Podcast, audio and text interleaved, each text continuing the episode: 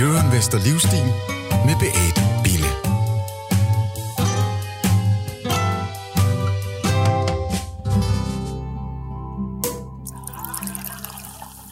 Kan man præstere bedre på arbejdet ved at ændre sin mentalitet?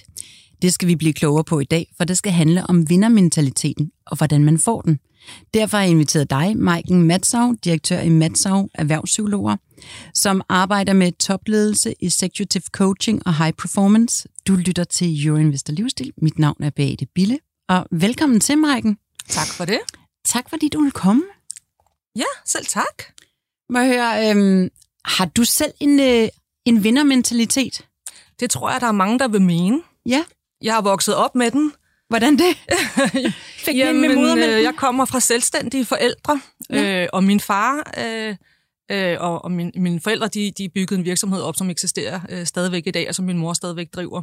Og min far, han sagde jo altid, at man kan, man kan blive, hvad man vil. Mm. Og så fortalte han altid sådan en historie om, at da han øh, blev færdiguddannet ingeniør, og skulle starte i sit første job, før han lavede sin første virksomhed, så fortalte han altid, at til jobsamtalen, der spurgte chefen ham, om han kunne et eller andet. Og så sagde han bare ja, for som han sagde, det man ikke kan, det kan man lære. Så det er en vindermentalitet, og det, vi lærer det, man ikke kan i virkeligheden. Ja, det så er man, det. Så dem, der bider sig fast, ligesom har en vin, vindermentalitet, eller hvad? Altså, man kan sige, antagelsen om, at det, man ikke kan, er noget, man kan lære, det er i høj grad en del af vindermentaliteten. Og øh, er man født med den, eller er det noget, der kommer til igennem livet? Det er jo det store spørgsmål. Ja, for det tænker jeg også. Hvordan ved man, om man har den, eller kan man få den?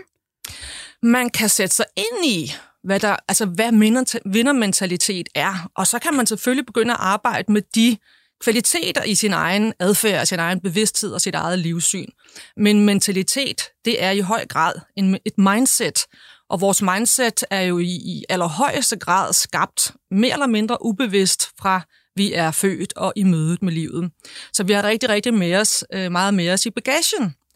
Og det er jo sådan, at hvis man nu for eksempel har, er vokset op, hvor man har dannet sig nogle grundlæggende overbevisninger, eller har gjort sig nogle erfaringer om, at, at man ikke må stikke snuden frem, eller at øh, det ikke er okay, at man siger sin mening, eller man ikke må være for meget, at man ikke må føle, øh, eller man skulle have været en plet på lanet. Altså, der ligger så mange grundlæggende psykologiske overbevisninger i bunden af vores bevidsthed.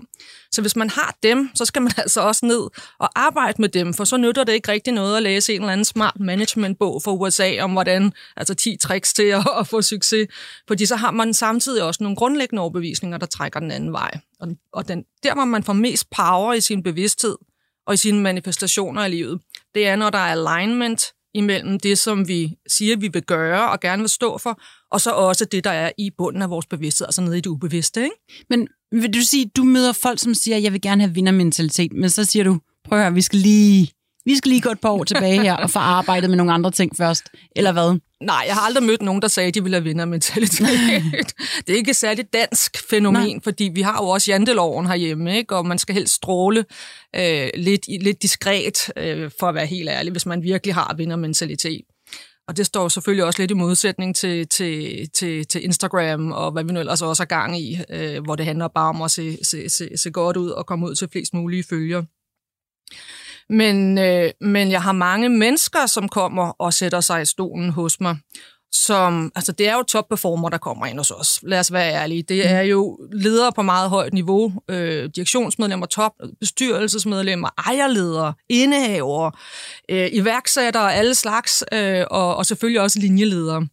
Og, og det er bare meget sjovt, øh, som vi to jo også talte om lige før vi, vi gik i luften her, at altså, der er bare utrolig stor forskel på den form for vindermentalitet, man har.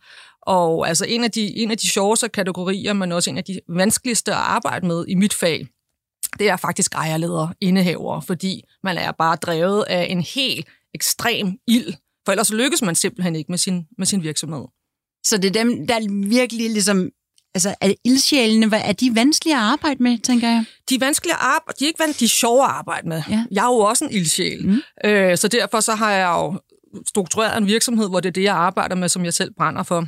Men når man går ind og kigger på slagsiden af at være en ildsjæl, som er også noget af det, vi skulle tale om i dag, som er work-life balance, ja. så kommer man altså på overarbejde, fordi når man er, når man er en ildsjæl, og man bygger en virksomhed op, og er ejerleder eller indehaver, det kan godt være, eller man måske bare sidder i bestyrelsen og prøver at uddelegere øh, stillingen som administrerende direktør et andet sted hen, og man prøver ligesom at trække sig. Det er sådan et sted, man kommer til i sit, i sit, i sit liv med sin virksomhed på et tidspunkt, så er det bare svært at holde fingrene ude af driften, og det er svært ikke at være involveret i alt, og det er, man holder bare ikke fri.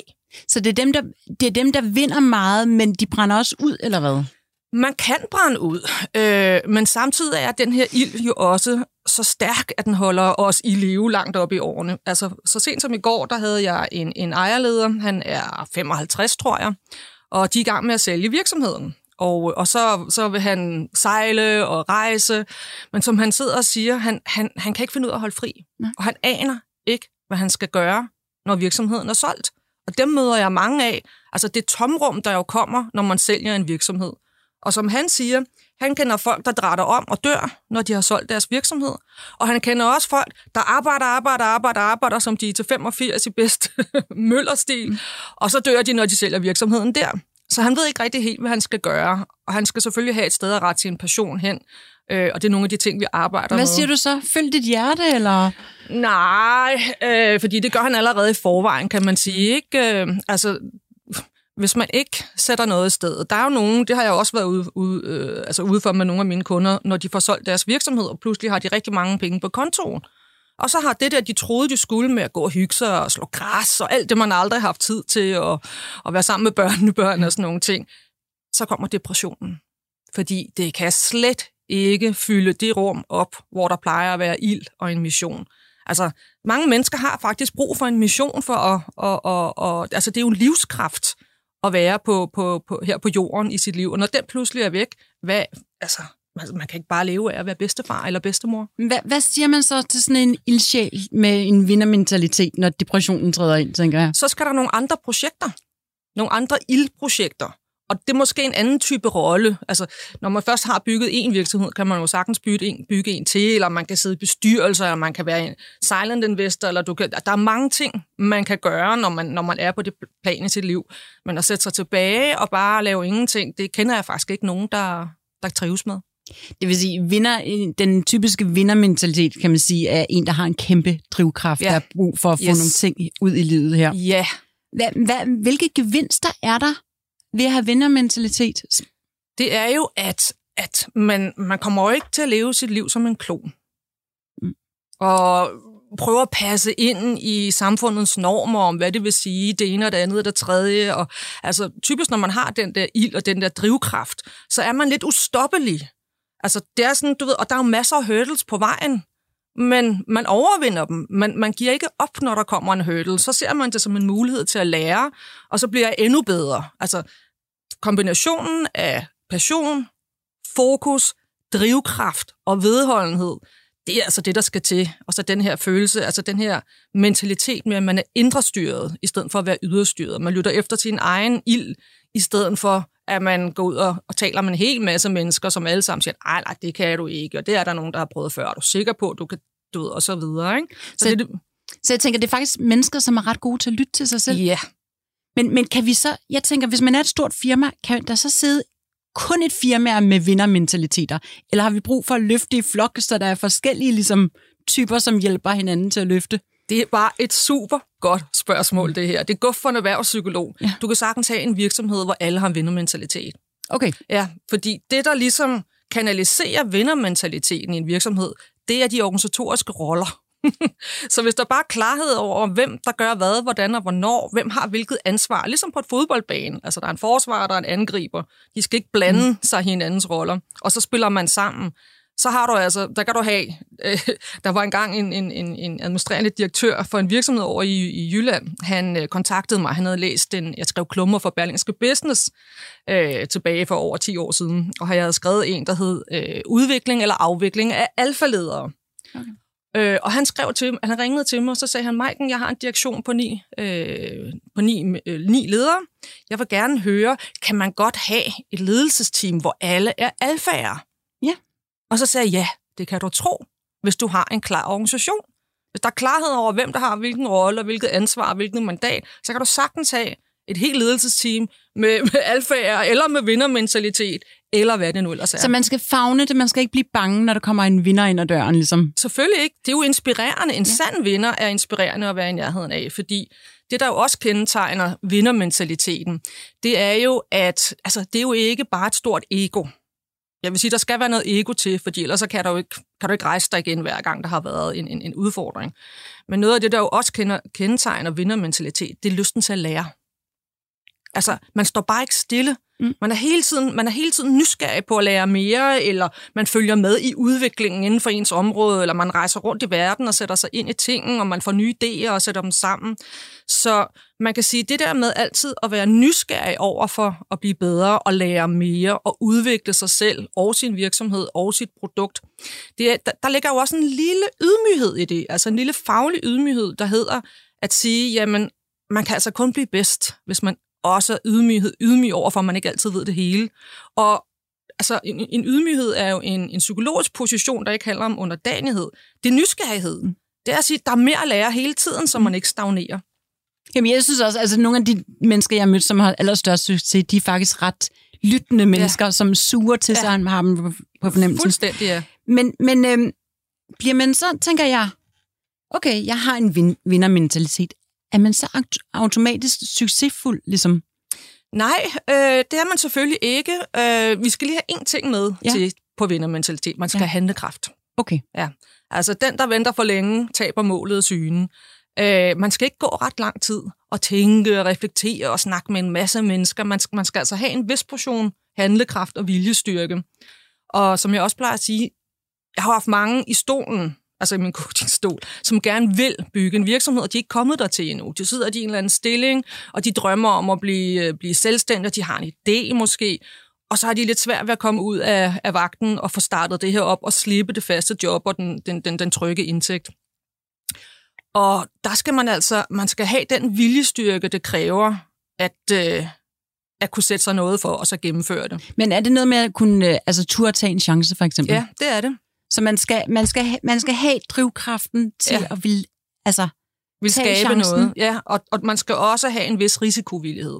Fordi jeg ved, at der er sådan nogle fælles psykologiske træk, ligesom. Ja, ja. Er det en af dem? Ja, det er det. Og så er det, øh, hvad er det mere? Jamen, det, altså, det er, som jeg sagde, det er evnen til at fokusere. Mm. Det er evnen til at kunne være nysgerrig. Og så er det, jeg nævnte ordet før, indre styret. Der var engang en, en det var da jeg var HR-partner i Novo Nordisk, så ham, min, min chef, øh, HR-chefen, han kiggede en dag fuldstændig opgivende på mig, for han kunne ikke få mig til de ting, han ville, som jeg ikke ville. Så sagde han, Maiken, du er jo fuldstændig lyststyret. Så sagde jeg, nej Peter, jeg er indre styret. Det er noget andet. Og indre styring, det handler jo om, at man er drevet indefra, frem for noget uden for os selv.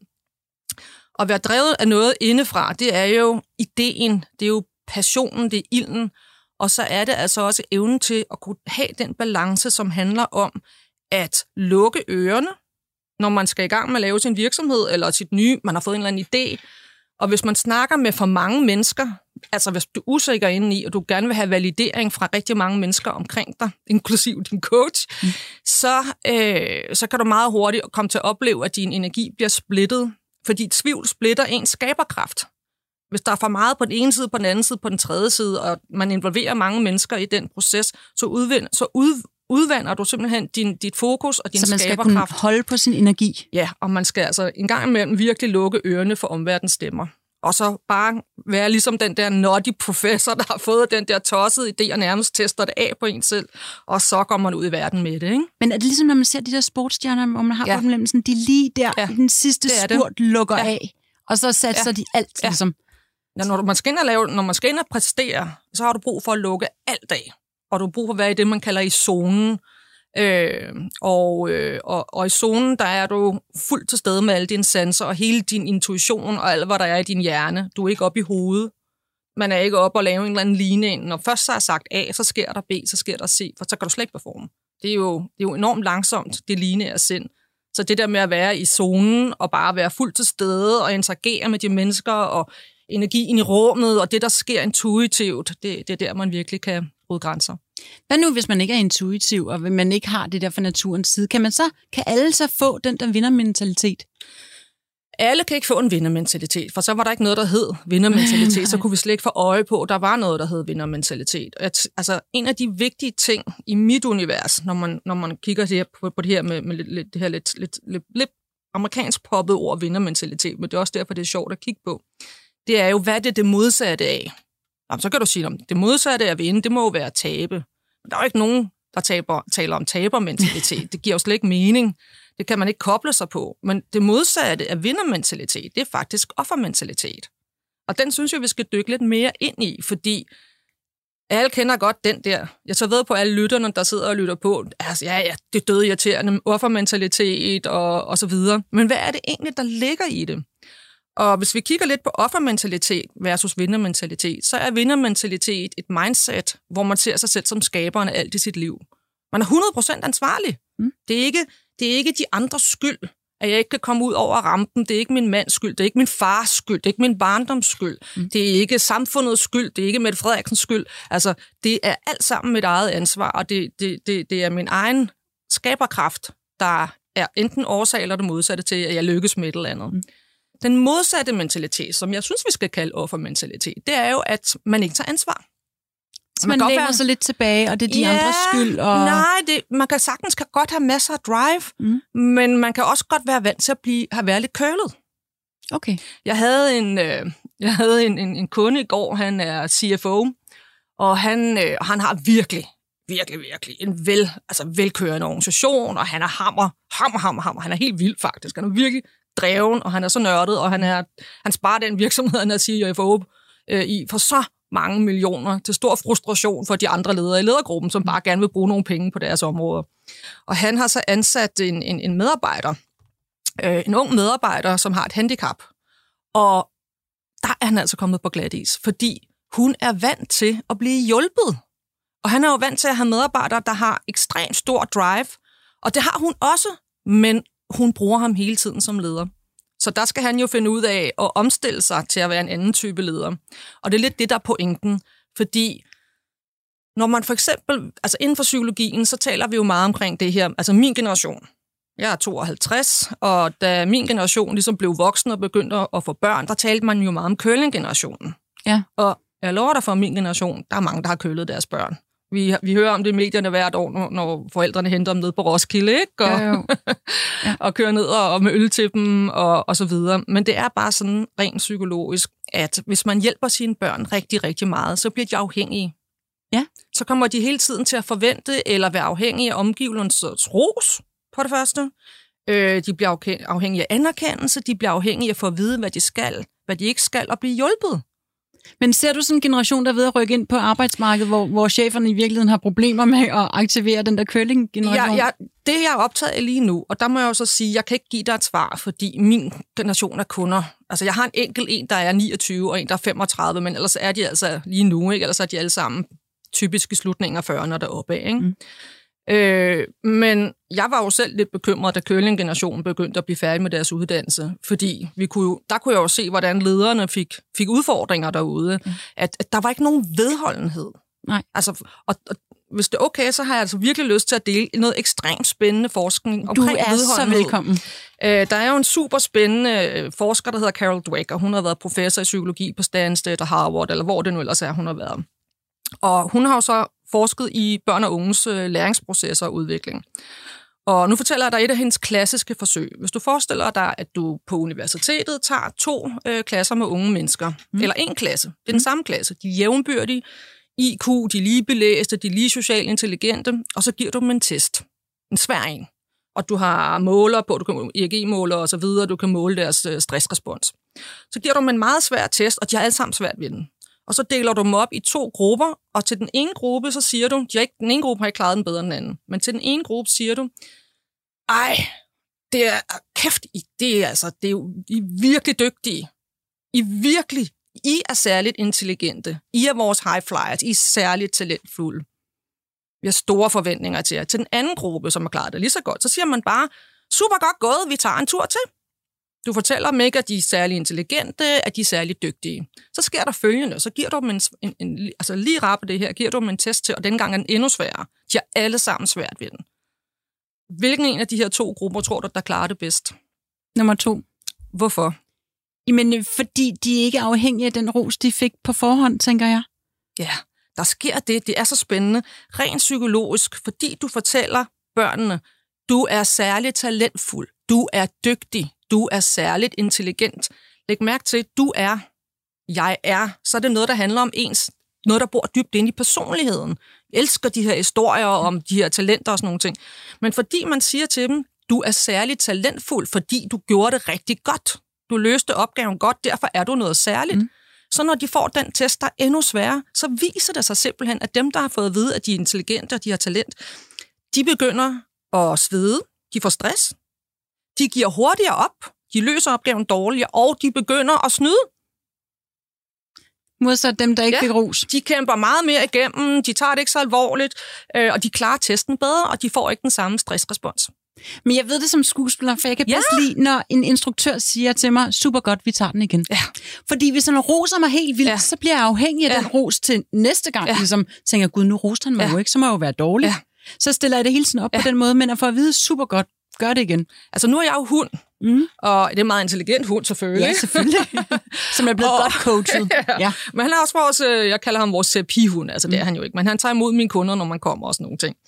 Og han er godt opdraget og godt trænet, og øh, når, man træner, når man træner hundetræning i dag, så gør man det, at man roser hunden for det, den gør, gør godt. Altså det, man gerne vil have hunden til. Der laver man en reinforcement, en forstærkning af dens adfærd ved at rose den. Nogle gange med godbid, nogle gange ved at sige dygtig, og nogle gange man klikker. Man straffer aldrig hunden. Man skal aldrig ud. I gamle dage, der, der skældte man rigtig meget ud i hundetræning. Og grunden til, at man ikke skælder ud i dag, det er, fordi det fuldst, for det første skader det hunden og relationen. Men, men, men i forhold til læringsprincippet, så er fraværet af ros en straf i sig selv. Og sådan er det også med børn. Når de, altså børn leger jo. Når børn leger og træner og leger, så leger de jo altid en leg, hvor dit hoved er højere end sig selv. Og, og, og det betyder, at de leger voksenleje. De leger farmor, børn, eller cowboy og indianer, eller hvad de nu ellers finder. Jeg ved ikke, hvad børn leger i dag. Og børn bruger naturligt leg til at lære, til ja. at udvikle sig, ligesom dyrebørn gør. De slås og leger de på jagt og sådan nogle ting. Ikke? Men når forældrene så først begynder at rose den, når, lille, når, når, når, når din datter kommer, når du kommer hjem fra arbejde og siger, mor, mor, mor, se den her tegning, jeg har tegnet, og så er der nogle krusedullers død. Hvad siger mor så? Ej, hvor er den flot. Nej, hvor er den flot du, ej, hvor er du dygtig. Specielt hvis man så også har haft en hund, fordi så kan man næsten ikke lade være med at give den der ros. Nej. Men problemet er, at man siger til barnet, den er flot lige med, du er dygtig. Det vil sige, det flytter ind i barnets identitet. Og næste gang tegner barnet for at få at vide, at det er dygtigt, og ikke fordi det leger. Men hvad søren gør man så som chef? Skal man rose? Hvordan skal man så gøre det? Lad os bare sige, at vi er allerede forbi det punkt, mm-hmm. hvor vi ikke skal rose, fordi alle de unge mennesker, der har brug for rosen i dag, er jo vokset op med rosen. Og jeg vil også godt sige, at måden vores samfund, vores skolesystem og måden virksomhederne, specielt dem, hvor der er top performance, at de ligesom er bygget op på, der er det altså vand på den her mølle. Og nu bliver jeg simpelthen lige nødt til at sige mm. noget, der er ret mm. spændende. Og øh, den, stør, den, den administrerende direktør for et af de største management-konsulentvirksomheder i verden, et af dem med virkelig fokus på performance, han har mm. engang sagt, at for at blive ansat i den virksomhed, så var der to ting, der skulle gøre sig gældende. Og det ene var, at man skulle være smart, altså intelligent, ja. og det andet var, at man skulle være drevet af mindre værd. For så får man de bedste performer, insecure overachievers. Og det er også det er også ret rigtigt, det vil jeg så lige sige. Ja. Virksomhederne er fyldt med dem. Altså alle de største, bedste vidensvirksomheder i dag er fyldt med dem. Det er jo ikke fordi, det er noget, der bor inde i vores personlighed. Det er sådan, at systemet, det er den interaktion, vi har med systemet. Det vil sige, man skal ikke være ked af det, hvis man i virkeligheden har mindre værd. Så kan man godt have vindermentalitet samtidig med at acceptere sit mindre værd, eller hvad? Det kan du tro. Men der er nogle ekstra ting, når man taler om Altså kan man gå fra at være øh, en insecure overachiever, for eksempel i, hvis man er ansat i Novo Nordisk eller Mærsk, eller en af de andre store performanceorienterede vidensvirksomheder, og til så at blive selvstændig? Ja, det kan man sagtens. Men der skal man så ind og finde det ekstra, fordi du er ikke længere en, altså, du er ikke længere en del af det her system. Og for eksempel, nu har jeg jo selv været ansat i Novo Nordisk, for eksempel, jamen der har man jo organizational reviews, og du har dine mål og dine udviklingsplaner, og øh, man bliver vurderet på, om du når dine targets, eller om du er above eller beyond eller below, og så får du en bonus, du bliver vurderet, om du kan excellere inden for, på din karrierevej, inden for ledelsesvejen eller inden for specialist. Altså, og, hele vores samfund er jo organiseret på den måde. Mm. Du kan ikke komme ind på universitetet, hvis du ikke er dygtig nok. Du kan ikke få et job, hvis du ikke først er igennem 10 forskellige personlighedstester og bliver vurderet, om du er god nok til at komme ind i organisationen. Det starter fra vi er helt små. Og det er bare, vi har et performance-samfund. Så man kan sige, slagsiden ved at have et performance-samfund, hvor, hvor individerne jo er drevet af den her kombination af engagement og ejerskab og ansvar, og så samtidig den her med, at man skal performe for at være noget. Man føler ikke, man er noget, når man, hvis man ikke har noget job og ikke har nogen, nogen rolle, hvor man bidrager eller kan bevise sig selv. Men slagsiden af det, det er stress. Ja, for der er jo rigtig mange, der går ned med stress i dag. Det er der. Altså, de, de, er jo high, de laver high performance, yes. men de går også ned med stress. Ja, i lange baner. Men hvordan, hvordan øh, hvis man nu øh, er en ildsjæl, hvordan holder man sig i lang tid? Hvad, hvad har du nogle, nogle ligesom, teknikker, ja. så man øh, kan performe, men ikke gå ned med stress? Ja, der er flere ting i det. Ikke? Det, det ene, det er jo, som vi talte om før, det her med evne og lære. Også af, sine, også af sin egen energi. Og hvis man ikke lærer igennem livet ligesom at, at administrere sin energi, hvis man forbruger al sin energi igennem hele sit arbejdsliv, lad os nu antage, at man er en ildsel, og man har lavet sin egen virksomhed, så er man nødt til at lære det i, igennem tiden, for man bliver, simpelthen, man bliver jo simpelthen syg. Der er jo mødt masser, der, der, der, der, der, der bliver på et tidspunkt, fordi altså, de mister livsenergien. Og der er nogle forskellige livsfaser, hvor vi har forskellige typer af livs, livsenergi. Jeg plejer at sige, at i vores karriereliv, og jeg bruger altid den her metafor, det er, at, at, at når vi er unge, faktisk op til vi er slutningen af 40'erne, fra vi er omkring 20'erne, og så altså begyndelsen af 20'erne op til vi er slutningen af 40'erne, øh, midten af 40'erne, slutningen af 40'erne, der er vi det, man kalder frænsefasen.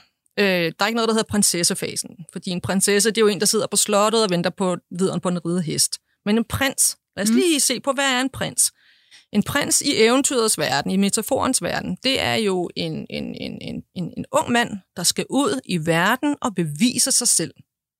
Han skal vise, at han er dannet, at han er modig, at han er tapper, at han er snarrådig, øh, og, og, og det gør han jo ved at bestå nogle forskellige test, nogle mm. prøver. Mm. Prinsen skal ind i øh, dragens hule og slås med dragen, og måske, måske ikke klarer han den. Hvor dragen så altid repræsenterer hans egen skygge, men det er en anden snak. Øh, og når, når, øh, når han virkelig skal udmærke sig, den unge prins, så er det ham, der ligesom, når der er et slag i dronningeriget eller kongeriget, så er det den unge prins på den hvide ganger, der rider forrest, og kommer med dundertalen til, til herren, til, til, til Malle sammen, og nu tager vi Dannebro, eller hvad det nu ellers er. Hvor dronningen, eller kongen, derimod, man kan godt bruge dronningen-metaforen her, sidder jo ophøjet på en, en, en, en høj, langt væk fra slaget med sine to øh, væbner eller rådgiver, fordi dronningen eller kongens liv er så vigtigt, at de ikke må komme i fare. Og på et tidspunkt så løfter kongen hånden og så trutter den ene øh, væbner i hornet, og den anden øh, rejser fanen, og så rider prinsen forrest ind i slaget. Og måske, måske ikke udmærker han sig og overlever. Og hvis han udmærker sig, så er han et skridt tættere på en dag selv at få guldet, som er kronen. Det er prinsefasen. Så når vi er i prinsefasen af vores karriereliv, så har man brug for at udvikle sig. Man har brug for at bevise, at man er noget. Man har brug, både over for en selv og over for omverdenen. Der er masser af energi til, at man ligesom uh, skal ud og erobre verden og gør sig fortjent til at være god nok. Så man kan sige, så kan man blive ansat i den her managementvirksomhed, fordi der er man virkelig drevet af den her. Jeg er ikke bare god nok, jeg er nødt til at gå ud og vise, at jeg kan blive det. Men på et tidspunkt, når man er i min alder, plus 50 her, så kommer man jo op i den næste fase. Så forsvinder behovet faktisk for de fleste mennesker for at skulle løbe så stærkt og bevise sig selv. Så lander man, så ankommer man ligesom, en, en, hvis du forestiller dig vores egen dronning, hvis hun rendte rundt ude på et slottets gang og skulle overbevise alle, om hun var god nok til at være dronning, så ville ingen have respekt for hende, selvom hun havde en krone på hovedet. Hvad så handler det om at få afsluttet prinsefasen, inden man bliver 50? Altså Nej. skal man så komme hjem til sig selv ligesom og ja, det, vide, det, nu står jeg på begge mine ben? Det, der ligesom. er spændende, det er jo, jeg har jo for eksempel haft utrolig mange konger og dronninger siden i stolen, der ikke har opdaget, at de er gået ind i en ny fase. Fordi de har været så dygtige. Det er jo det, der, når man, hvis, du, hvis du virkelig er en, en top performer, så har du fået rigtig meget succes med det, du laver. Mm. Og når vi får, det er ligesom en, altså, Altså, ligesom med børn, når man roser dem for noget, så gør de mere af det. Eller, eller, eller, du ved, når man har været rigtig, rigtig dygtig til noget, og man har været drevet af det, og fået rigtig meget tilfredsstillelse, så bliver man ved med at gøre mere af det samme. Og det er jo derfor, man engang imellem kommer sådan en, ind til, til sådan en som mig, fordi man er nødt til at blive udfordret på, du ved, hvor er du nu i dit liv, hvor er du henne i dit ledelsesliv, hvor er du henne i dit organisatoriske liv, hvor er du henne i dit sjæleliv. Hvad er det for en, altså, hvad er det for en ny fase, der venter på dig? Fordi så sidder de i stolen hos mig, og de er måske op omkring 60, og de har altså mange virksomheder, investerer i virksomheder og bestyrelsesformænd, og de har gang i masser af, af spændende ting, og alligevel så mangler der noget. Og det, det kan være ret sjovt. Det, altså, nogle gange skal der bare en enkelt station til, for pludselig at kunne se i det der spejl og sige, okay, fordi jeg har været så succesfuld, så bliver jeg ved med at gøre det mere af det samme, som jeg gjorde i prinsefasen. Men det er jo egentlig lidt rookie-adfærd, det her med at skulle bevise sig selv hele tiden, og bevise, at man er god nok, øh, i stedet for, at man egentlig bare er den. Ikke? Og man er dronningen. Hvis du har set The Crown, det har meget jeg. op i tiden, så mm. siger hun på et tidspunkt, I am the crown. Okay. Og det synes jeg bare, det er en fed metafor, det der med, så er man den. Så skal ja. man ikke gøre sig fortjent til den. Og det er et skift, og der har man faktisk meget mere kraft, fordi den kommer indefra. Så det er der, du går ind og giver nogle redskaber. Det er i de der faser der, hvor der er nogle skift også. Ja, det er mange forskellige. Det er jo også mm. i alle mulige krisesituationer, ja, ja. og i ledelsessituationer, og i strategi... Altså, og, pff, jeg hjælper også folk med deres skilsmisser, eller hvad det nu ellers er. Men, men, men bottom line, så kan jeg godt lide at bruge den her metafor, mm. fordi at sidde over for en person, der virkelig har gjort det hammer godt, og så skulle sidde og snakke om, det er nok fordi, du har lavet selvværd, at du ikke kan finde ud af at sige fra, eller gøre noget andet. Det, det jeg synes ikke, det er en, en, en passende diskurs. Mm. Og slet ikke, når man bare med, med et, et, et spejlbillede kan tale om at indtage en anden position, og det så bare gør det, den forskel, der skaber et skift. Vi, vi taler over, det talte vi også om ja. tidligere, vi gik ind i studiet her, vi taler meget om det der i dag, om at være et helt menneske. Det, og work-life balance har du også været inde på, og den sunde arbejdskultur. Er, er det forenligt med at være en min, vinder? Øh, ja, det er det, fordi mm som vi to jo også talte om lidt tidligere, der er jo i gang med at ske et skift. Altså for at være... Øh, det er ikke moderne at brænde ud og være ved at dø af stress. Altså jubi-samfundet, det, okay, vi ser det selvfølgelig stadigvæk i visse brancher, for eksempel advokatbranchen, men de er også nødt til at lære det, fordi de har jo rigtig mange dygtige advokater, som har lyst til at gå på barsel og ikke arbejde 80 timer om ugen. Øh, men mange andre virksomheder, der er man jo nødt til, altså vi snakker om equal opportunities og work-life balance og inclusion og alt, hvad, hvad man nu ellers ja. har gang i, altså, du ved, øh, korporate værdier og så videre, ikke? Øhm, og altså, mit, mit, mit, altså, og et af mine specialer er jo stress i, i vidensvirksomheder.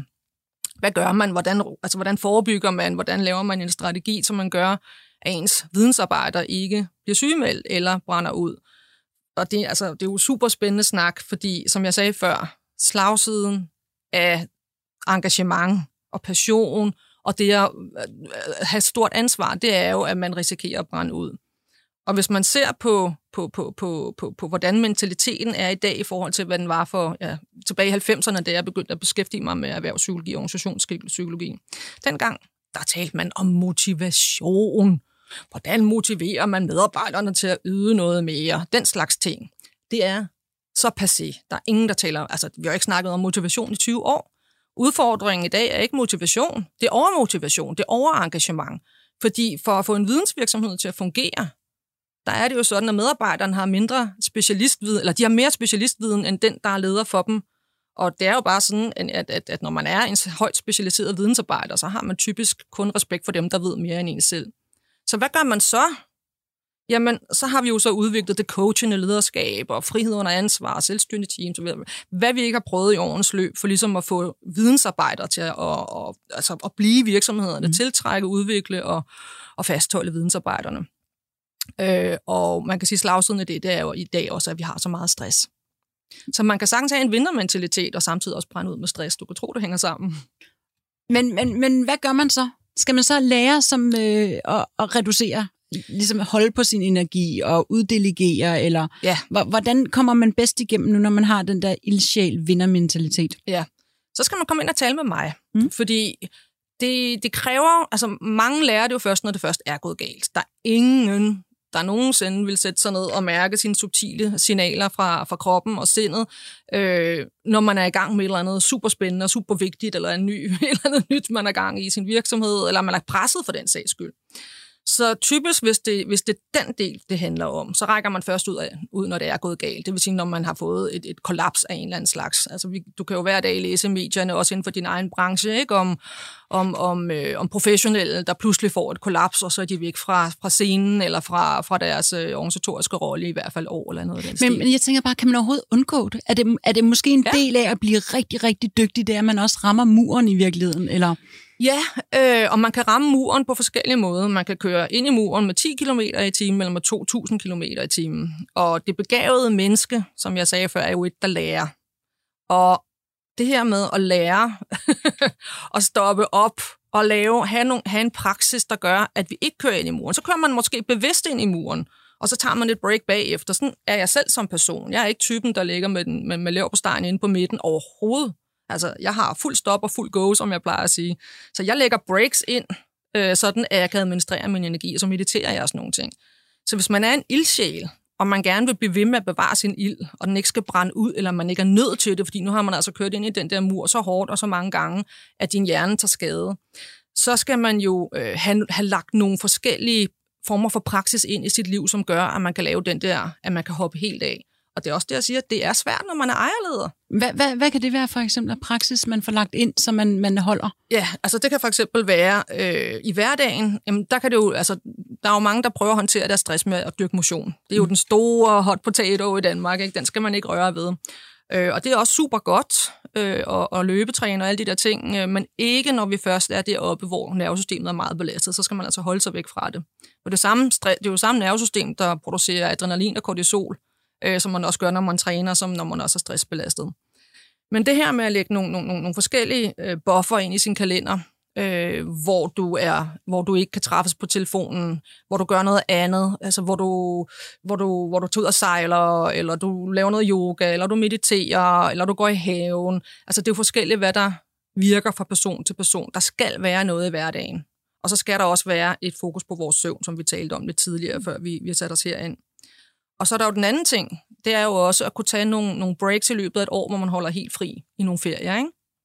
Så det er de tre råd, du giver til, til topledere, ligesom der er ved at brænde ud? Mm, det er lidt simplificeret, fordi det er meget mere komplekst. Det her det er Ja. jo bare sådan, du ved, ting, der er gode for os. Men årsagen, årsagen til, at man først får det dårligt, er meget komplekse. Og noget af det handler om, altså handler om, om, om, om det organisatoriske og den kompleksitet, der er i vores øh, organisationer og i vidensvirksomheder og i vores professionelle liv. Øh, og der er nogle eksterne ting, man går ind og arbejder med der, øh, alt afhængig af, hvad det er for en, en virksomhed og, og hvad det er for en situation. Og så er der jo også nogle stærke psykologiske drivkræfter på spil. For som vi talte om til at starte med, så har vi jo en, en masse psykologiske grundantagelser med os fra vores, øh, altså vores opvækst, som er ubevidste i os. Øh, og de kan jo godt komme ind og drille. For eksempel. Øh, så kan man jo øh, være vokset op i en, en arbejdsom familie, hvor, man, øh, altså, hvor det ikke var tilladt, at man lavede ingenting. Så fik man at vide, at man var doven. så set som i går havde jeg en topleder i stolen, der, der sagde, jeg er jo doven. Jeg hørte det så mange gange, så siger jeg, nej, det er du ikke. Det er en idé, du har, fordi så hvis du var doven, ville, ville du ikke kunne øh, have, så problem, have, have så meget besvær med ikke at arbejde. Han holder aldrig fri. Øh, og en, en, en, en sådan god overbevisning, det er jo den der med, at du skal yde, før du kan nyde. Du må ikke springe over, hvor gæret er lavest. Øh, og den slags gode, gamle øh, danske overbevisninger. De dem er ligger der. dybt ja. nede i os. Men jeg tænker, hvad gør man her til sidst? Det der med, hvis, hvis man nogle gange ligesom mister sutten. Altså, skal man så være ærlig omkring det og sige, okay, jeg, jeg, der, der handlede jeg forkert. Der, der kom jeg ud af en forkert vej. Lad os starte forfra. Eller hvad, hvad gør man, når man, den der vindermentalitet, den glipper? Det er jo ikke, fordi den glipper, det er jo, fordi mm. den kommer over, mm. kan man sige. Ikke? Og så, så, så får den den der slagside, som den, altså, som den får for mange mennesker. Ikke? Det, vi hører jo sjældent om det. Mm. Jeg ser det jo hver dag. Men vi hører jo ikke om, du ved, om gode gamle Møller, som er det her ikon, der arbejdede til han blev nogen af 90 og sov fire timer om natten. Det er de her sådan, idealbilleder, vi har. Ikke? Men jeg vil bestemt ikke anbefale, at man sover fire timer om natten. Altså. Nej. på nogen måde. Øhm, men, men, men spurgte du, hvad man, man gør, når det Men først jamen, jeg tænker, en over? gang imellem, så fejler man jo. Altså, så Ja. ja. mister man jo den der, jeg Ja. er en vinder. Ja. Øh, altså, hvad, hvad gør man så? Hvor samler man sig selv op? Det jeg gør tænker- man i sparring med folk, der kan udfordre dig. Okay. Man gør det ikke hjemme hos sin kone, eller sin mand, eller med sin bedste veninde, fordi vi, vi prøver jo at omsorge og støtte hinanden. Så, så, så di, dialogen, den vil være sådan noget i stil med, ej, men, ej og det, det var også godt, det ikke blev til noget, og det var nok ikke meningen, eller øh, parforholdet er gået i stykker. Han var, han var heller ikke rigtig for dig, og der er nok en, der er bedre, og nu kan du også komme videre. Altså, det er jo den der... Nursing. Må, ja, ja, det er jo den måde, vi ligesom konstruerer en ny virkelighed på, som, som er bære, bæredygtig for os, ikke? Og, og, og positiv. Men hvis man skal lære, Ja. så skal man udfordres. Og hvis man har, hvis man er knækket, altså hvis man er kollapset, Ja. så er det ikke lige der, man skal udfordres. Så skal man have hjælp til at blive bygget op igen i energien. Det vil sige, der skal være en periode, hvor man er, altså det er lidt ligesom at få en, en hjernerystelse. Der skal være en periode, hvor man simpelthen, altså virkelig, virkelig, virkelig, virkelig, virkelig, virkelig slapper af. Og det er super svært, når nervesystemet er i, er i, i det tager lang tid for nervesystemet at lægge sig. Så det skal man have, nogle, det skal man have nogle, noget råd- rådgivning til. Og når så det har stabiliseret sig over nogle måneder, hvis man gør det rigtige, altså hvis man holder sig i gang og træner alle de der ting, så kommer man ikke igennem det. Så vedligeholder man det bare. Mm. Og når man så er kommet derover, hvor nervesystemet har stabiliseret sig, der igen er en, altså begynder at være livsløst, så kan man begynde at arbejde med, hvad er det for nogle grundlæggende overbevisninger, der, du ved, der gør, at du bliver ved med at køre, i, altså, at køre for hurtigt ind i, i, i væggen. Hvad, hvad skal man lære? Altså når man først har prøvet et kollaps, og man er et begavet menneske, så lærer vi hele tiden, så har man bare ikke lyst til at prøve det igen. Så, man kan godt komme på banen ja, igen. Og, og, og, man Ja. skal da på banen Ja. ja. igen. Er du sindssyg? Man bliver jo klogere. Man bliver ikke stikket af et stresskollaps. Man bliver klogere, hvis man altså lærer noget af det, og man får den rigtige rådgivning. Så her til sidst, for at konkludere, man skal ikke være bange for, at man laver fejl, mindre værd eller kollaps. Overhovedet ikke. Man kan sagtens komme op igen og vinde og bevare vindermentaliteten. Det kan du tro. Øh, jeg vil godt sige, at man skal, man skal have respekt for et stresskollaps. Man skal ikke være bange for det. Nogle gange er det nødvendigt, at systemet kollapser, fordi det er kun der. Nogle gange så skal de gamle strukturer brydes ned, for at man kan bygge nogle nye, og sådan er det jo også med et stresskollaps. Men, men det kræver, at man, at man arbejder med det. Så huset skal bygges op igen Ja. på den rigtige måde. Nemlig. Men hvis man gør det, så er man tilbage igen. ja, med ja. større styrke. Fantastisk. Tusind tak, Marken, fordi du kom ind og gjorde os klogere. Jeg synes, det var så spændende, og jeg kan bruge det til noget, selvom jeg ikke er top erhvervsleder. Tusind tak. tak. Jeg skal sige tak til journalist Signe Terp og produktion Clara Marie Andresen, og i teknikken i dag sad Jens Marot. Tusind tak.